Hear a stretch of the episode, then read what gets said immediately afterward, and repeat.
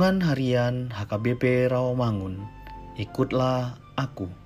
Rabu, 16 Juni 2021. Dengan judul Kejahatan dibalas dengan memberkati.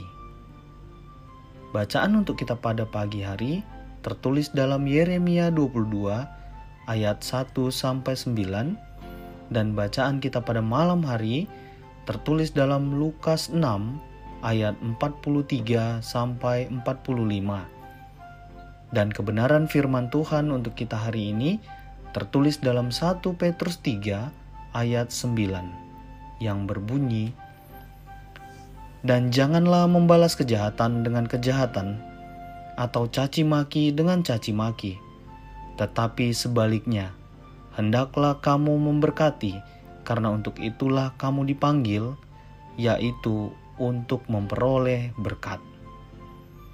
Demikian firman Tuhan. Hukum dunia ini mengajarkan tentang keadilan yang dibalaskan pada hal yang sama. Dan kalau dilihat dari kacamata dunia, memang apa yang diajarkan oleh dunia seakan memang adil. Apa yang diterima sama dengan apa yang diberikan tetapi hukum dunia ini bukanlah sama dengan hukum yang diajarkan Tuhan, dan kedua hukum tersebut berbeda, bahkan saling bertolak belakang. Di mana Tuhan menyampaikan hukumnya seperti yang disampaikan oleh Rasul Petrus, yakni melarang setiap orang yang percaya untuk membalas perlakuan tidak baik yang diterimanya, tetapi menyuruh untuk memberkati orang yang menyakitinya. Apa pun bentuk perlakuan yang buruk yang kita terima, mungkin difitnah, dicaci maki, dipukul, dan lain sebagainya.